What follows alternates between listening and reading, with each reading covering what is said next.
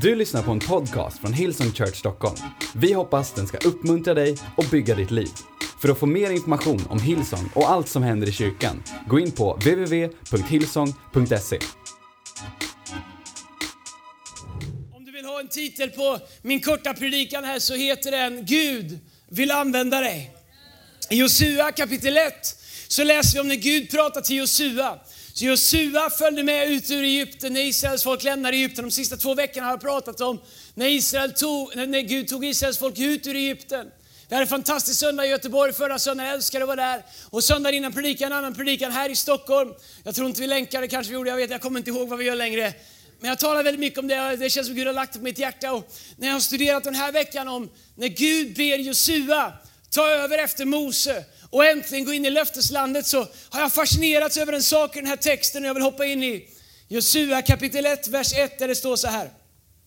När Herrens tjänare Mose var död sa Herren till Josua, Nuns son, Moses tjänare,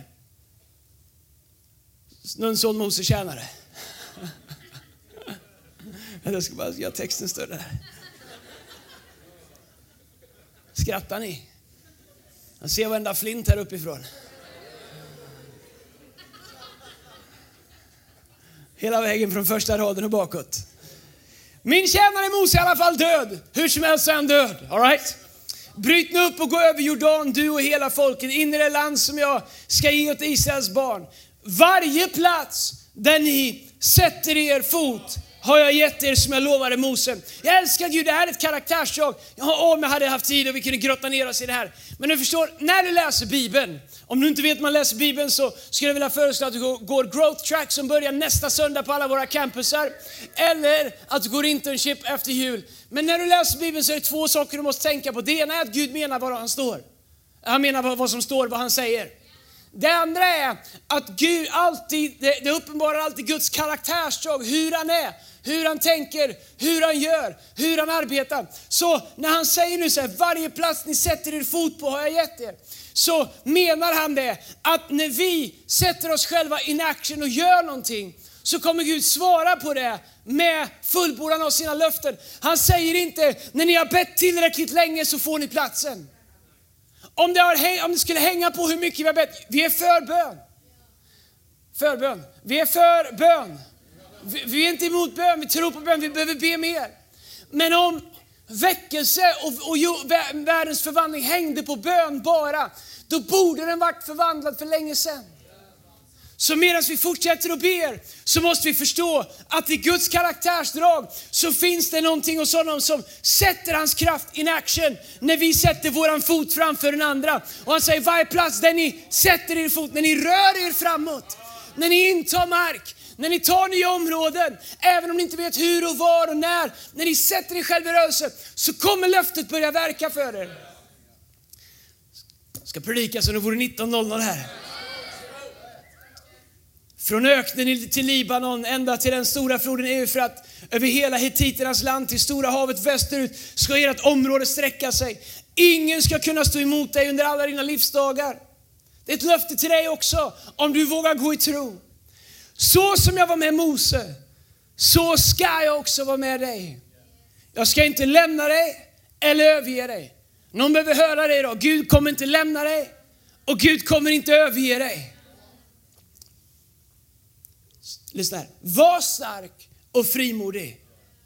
För att du som arv åt detta folk ska fördela det land som jag med ed har lovat deras fäder att ge dem. Så Gud säger till Josua, var stark och var frimodig. Vem säger man det till? Till någon som behöver vara stark. Till någon som behöver vara frimodig. Men när jag, när jag läste den här texten de sista dagarna så inser jag att Gud säger inte, känn dig stark. Han säger inte, jag ska ge dig en känsla av frimodighet. Utan han säger till Josua, bestäm dig för att vara stark. Jag inser när jag säger det att en del skulle kunna säga, Andreas, men du fattar inte hur jag har det. Kanske inte. Och du fattar inte hur jag har det. Och det är okej. Okay. Men en sak är säker, jag har upptäckt att när jag bestämmer mig för att låta styrkan i Gud vara större än rädslan i mig, så kan Gud göra i mig och genom mig mer än vad jag vågar. Ibland så måste vi förstå att styrka Och frimodighet är ett beslut som vi kan sätta i rörelse genom att i tro börja våga agera på det som Gud har sagt. Så Gud säger till Josua, sluta känna efter, var stark, var frimodig. Vet du att jag har fått mail? Jag tänkte jag inte skulle säga det, men nu har jag börjat. Jag har fått mail från människor som tycker att det är högmod av oss att säga att vi ska bygga en kyrka som förvandlar en nation. Men det är inte högmod. Det är nästan mer missmod. För jag har ingen aning om hur det ska gå till. Det är inte så att vi har en plan. Hur på tio år vi ska ta över Sverige. Jag har ingen aning. Jag är glad om vi kan genomföra hela den här dagen. Man får komma hem och titta på en tidig NHL-match kanske till och med. Det är ungefär så långt som planen sträcker sig. Men om vi byggde vår mission på vad jag förstår, då skulle vi ha en väldigt liten vision. När vi säger att vi ska bygga en kyrka som förvandlar nation så är det inte för att vi, har, vi tror att vi är så bra eller vi tror att vi, har en, att vi fattar hur vi ska göra det. Utan det är för att vi har läst de här verserna och vi har bestämt oss för att våga sätta våran fot lite längre fram. Vi har bestämt oss för att även om vi inte förstår hur det ska gå till så ska vi vara starka. Så ska vi vara frimodiga. Därför att det finns människors framtid som står och faller på att vi inte väntar tills vi är starka eller väntar tills vi är frimodiga. Och jag byter predikan, jag måste fortsätta här. Vers 7. Var bara stark. Nästan provocerande. Var bara stark och mycket frimodig. Så han börjar med att säga var stark och var frimodig. Nu har han hetsat upp sig, men säger han var bara stark och var mycket frimodig. Så att du håller fast vid och följer all undervisning som min tjänare Mose har gett dig. Vik inte av från det, vare sig åt höger eller vänster, så ska du ha framgång vart du än går och sätter dig och, och bloggar. Eller vart du än går och sätter dig och hittar tre som tycker likadant som du. Vart du än går. Vart du än går. Du förstår, Guds rike är ett rike i rörelse. It's a kingdom in motion, miracle in motion. Guds rike är ett rike i rörelse. Du behöver inte förstå eller veta hela vägen för att våga ta nästa steg. Så han säger, var mycket stark och var bara frimodig. Låt inte denna lagbok vara skild från din mun. Tänk på den både dag och natt. Så att du håller fast vid den och följer allt som är skrivet i den. Då ska du lyckas på din väg. Då ska du ha framgång. Nu, nu bara förstärka när han säger, har jag inte befallt dig att vara stark och frimodig? Var inte rädd eller förfärad, för Herren din Gud är med dig. Vart du än går. Så nu säger han varför vi kan vara starka och frimodiga och inte förfärad. Så motsatsen till stark och frimodig är rädd och förfärad. Så han säger, var inte rädd och förfärad, var stark och frimodig. Varför då? För att du är bra? Nej, för att Herren din Gud är med dig. Det innebär att vi allihopa, vart vi än är, kan bestämma oss för att vara starka och frimodiga. Josua befallde folkets förmän och sa, gå igenom lägret och se till folket, gör i ordning färdkost åt er, för om tre dagar ska ni gå över Jordan. Vad skulle de göra? De skulle gå över Jordan för att komma in och inta det land som Herren, er Gud, har gett er till besittning. När Gud ville leda sitt folk in i sitt löfte så letar han efter en människa. Människan hette Josua. Josua, det som skilde honom från andra var att han trodde Gud om vad Gud sa. Man vet, vi vet inte om han var större, starkare, bättre, smartare, men han trodde Gud. Du förstår det, det, genom hela Bibeln när vi läser så har Gud varje gång han vill göra någonting letat efter en människa som har största kvalitet att han är villig att följa Gud. Villig att bli använd, villig att våga lägga sin egen rädsla åt sidan, sina egna intellektuella liksom, eh, tillkortakommande av hur det ska gå till åt sidan och säga Gud om du har sagt det, då är det möjligt. Han började med Adam, han har använt Abraham, han har använt Isak, han har använt Jakob, Jakob. Vi, läser om Mose, om Josua, om Elia, om Samuel, om David, om Salomon, om Daniel, om Jesaja, om Jeremia, om profeterna, om lärjungarna, om apostlarna. Gud använder människor. Det som också allihopa har gemensamt är att de var antingen knäppa, misslyckade, rädda, borttappade eller helt från vettet. Så Gud letar inte först och främst efter kvalifikationer, han letar efter villighet. Men om du bara visste, jag menar verkligen det, hur tröstande det är för mig. Jag trodde aldrig vår kyrka skulle bli så här stor, så jag har ingen plan nu när vi har kommit hit. Hoppas du känner dig trygg. Men han som var trofast de första tolv åren, han kommer att vara trofast de nästa tolv åren.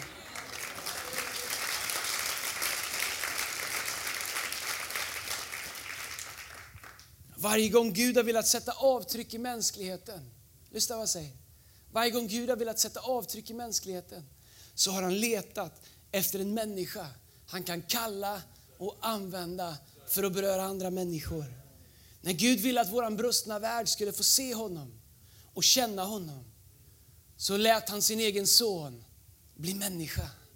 Filipperbrevet 2 säger att han räknade inte sin tillvaro som gudagestalt som sitt segerbyte, utan han lämnade sin tron, han offrade sig själv, han utgav sig själv och kom ner hit och blev människa och antog en tjänares gestalt. Han som var Gud blev som oss fast han fortfarande var Gud. Han var nu 100% Gud och 100% människa. Om du säger till Jesus, du vet inte hur jag har det, så är det inte sant för han vet exakt hur du har det. För bara en Gud som valde att bli människa har rätten att säga till oss att han förstår hur vi har det.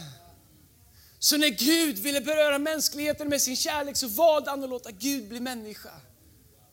På samma sätt så letar Gud fortfarande efter människor sådana som du och jag, oavsett hur vi har kommit hit, oavsett vad vi bär på, oavsett vad vi har varit med om, oavsett hur bra eller dåliga eller kvalificerade eller okvalificerade vi är. Gud letar efter människor. När han talar om sin kropp, sin kyrka, sin församling, så säger han att det är du och jag, vi människor, i relation till Gud, som är det som Gud har planerat för att visa hela världen sin nåd, visa hela världen sin värme, visa hela världen sin kärlek. Oss, vi människor, det är oss han letar efter.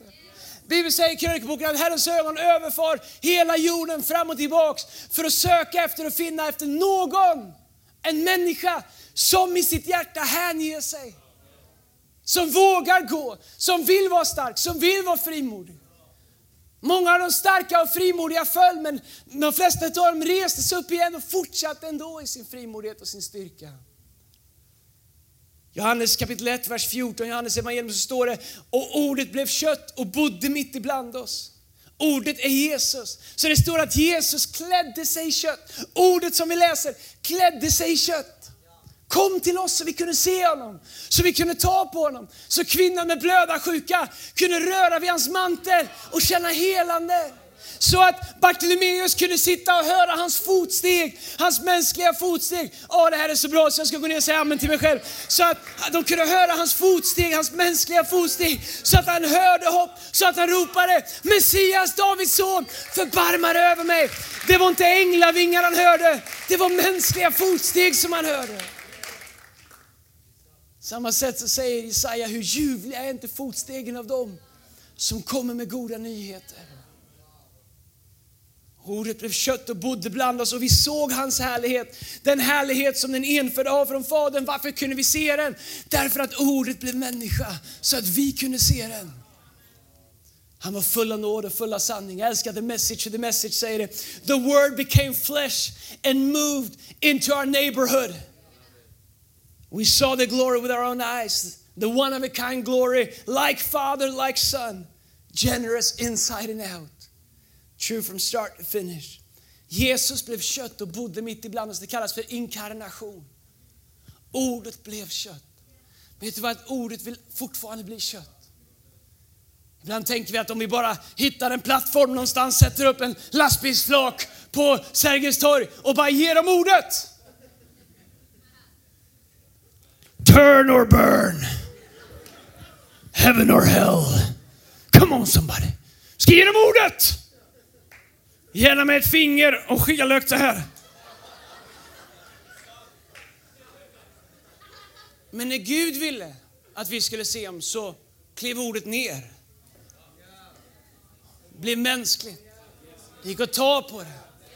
En kvinna som var äktenskapsbryterska kunde böja sig ner och få förlåtelse. Men när Jesus böjde sig ner och lyfte henne upp. Jesus kom inte för att ha en eleverad plats i tillvaron. Där han skelögd med krokigt finger gav oss ordet. Utan han kom så att vi kunde känna hur hopp känns. Men det är det som är vår kallelse som kyrka.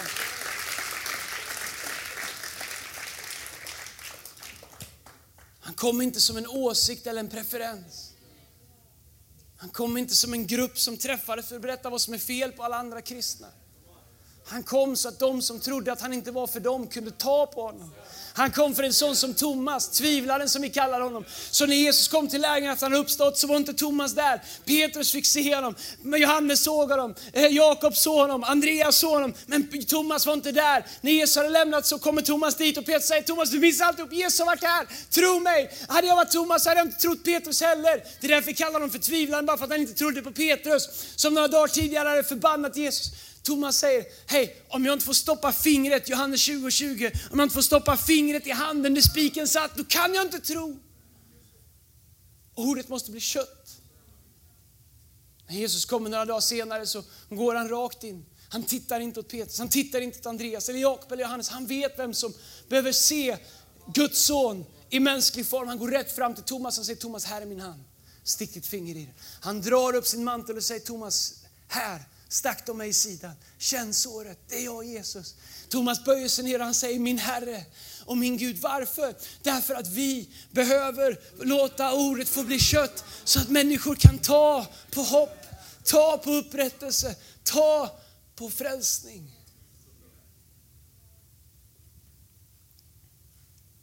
Jesus vill att vi ska bli kött och blod som bär evangelium till människor. Vi sjunger ofta om hur mycket vi behöver Gud. Men vet du att Gud han sjunger om hur mycket han behöver dig? Det är sant att vi behöver Gud. Men Gud behöver oss. Så att ordet kan bli kött i Stockholm. Så att ordet kan bli kött i Göteborg. Så att ordet kan bli kött i Södertälje. I norra Stockholm. I Jönköping och Örebro och alla andra ställen som Gud kommer kalla oss till. Varför öppnar vi nya ställen? Därför att Gud vill att ordet ska bli kött så att människor kan ta på hopp. William Booth grundade Frälsningsarmén. Det är en kyrka som i så många varumärkesundersökningar får toppratningar eh, när man kommer till trovärdighet och credibility av vad deras logga och varumärke står för. William Booth som startade Frälsningsarmén, han föddes 1829 och han dog 1912, 83 år gammal. Han kom från ett välbärgat hem, men hans pappa gick i personlig konkurs när han var 13 år och William Booth var tvungen att börja jobba som en, eh, som en pantlånare. Jag har ingen aning om vad det är, men det gjorde han i alla fall. Det var i mötet med ekonomiskt prövade människor som William Booths empati för människor väcktes och hans medkänsla väcktes i honom. Han blev frälst när han var 15 år. Han grundade Frälsningsarmén 1865. Hans livsmission var att ge värdighet, upprättelse och evangelium till de socialt utslagna människorna. När han grundade Frälsningsarmén så började det först som en fristående väckelsesällskap som jobbade med socialt arbete. Men alla nyomvända som blev frälsta och de socialt utsatta människorna blev inte välkomnade till de traditionella fina kyrkorna. De fick inte komma in där, de hörde inte hemma där. Därför så startade han en egen kyrka som han kallade för Frälsningsarmén för att ge dem plats. 1865 startade han Frälsningsarmén i Londons slumkvarter. Alkoholister, prostituerade och småtjuvar var hans målgrupp. Redan efter 14 år så började de bygga en kyrka som förvandlade en värld. De blev ett hus med många rum. Efter 14 år expanderade de till USA, till Australien, till Frankrike, till Sverige, till Kanada. Varför? Därför att över hela världen så längtar människor efter att evangelium ska bli kött. De var kända för sitt sociala arbete. Nyckeln i arbetet var att dit man kom så gjorde man allt för att nå fram till människor. Det gjorde att när man kom till Indien så bytte de sina namn till indiska namn. De klädde sig som indier, de åt som indier. Allt för att kunna nå utsatta människor. För att ordet skulle bli kött. De var pionjärer för kvinnors rätt att få predika. 1882, för 136 år sedan, hade Frälsningsarmén sitt första möte i Sverige på Folkan på Östermalm. Frälsningsarmén finns idag i 130 länder. Det finns 14 527 frälsningsarmékårer runt om i världen. Det 111 859 eh, människor anställda för att hjälpa utslagna människor runt om i världen. Varje natt har de 28 780 sängar på härbergen där hemlösa kan komma och sova. Varje år besöker man 247 794 unika människor i fängelse. William Booth hade några kända citat. Citat som soup, soap and salvation. Han betonar betydelsen av praktisk och social hjälp samtidigt som han delar evangelium. Han sa, work as everything depend upon your work. and pray as if everything depended upon prayer. Han sa go for souls. Go straight for the souls and go for the worst. Han so, if I thought I could win one more soul to the Lord by walking on my head and playing the tambourine with my toes, I would learn how to do it. And so, secular music, do you say belongs to the devil? Does it? Well, if it did, I would plunder him for it. For he has no right to a single note of the whole seven. Every note, every strain, and every harmony is divine and belongs to us. Han sa, du kan inte predika Guds kärlek för någon som fryser och är hungrig. När han dog så kom 40 000 människor på hans begravning, en man. Dåvarande drottningen Mary kom på hans begravning. William Booths liv är ett exempel på vad Gud kan göra genom en person. En enda människa som har bestämt sig för att fightas för. För att vara stark, för att vara frimodig och för att fightas för det som Gud har kallat honom till. Här.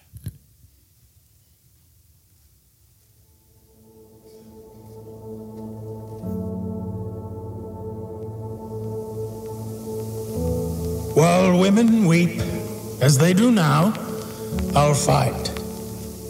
While little children go hungry, as they do now, I'll fight. While men go into prison, in and out, in and out, as they do now, I'll fight. Where there is a drunkard left, where there is a poor lost girl upon the streets, where there remains one dark soul without the light of God, I'll fight. I'll fight to the very end.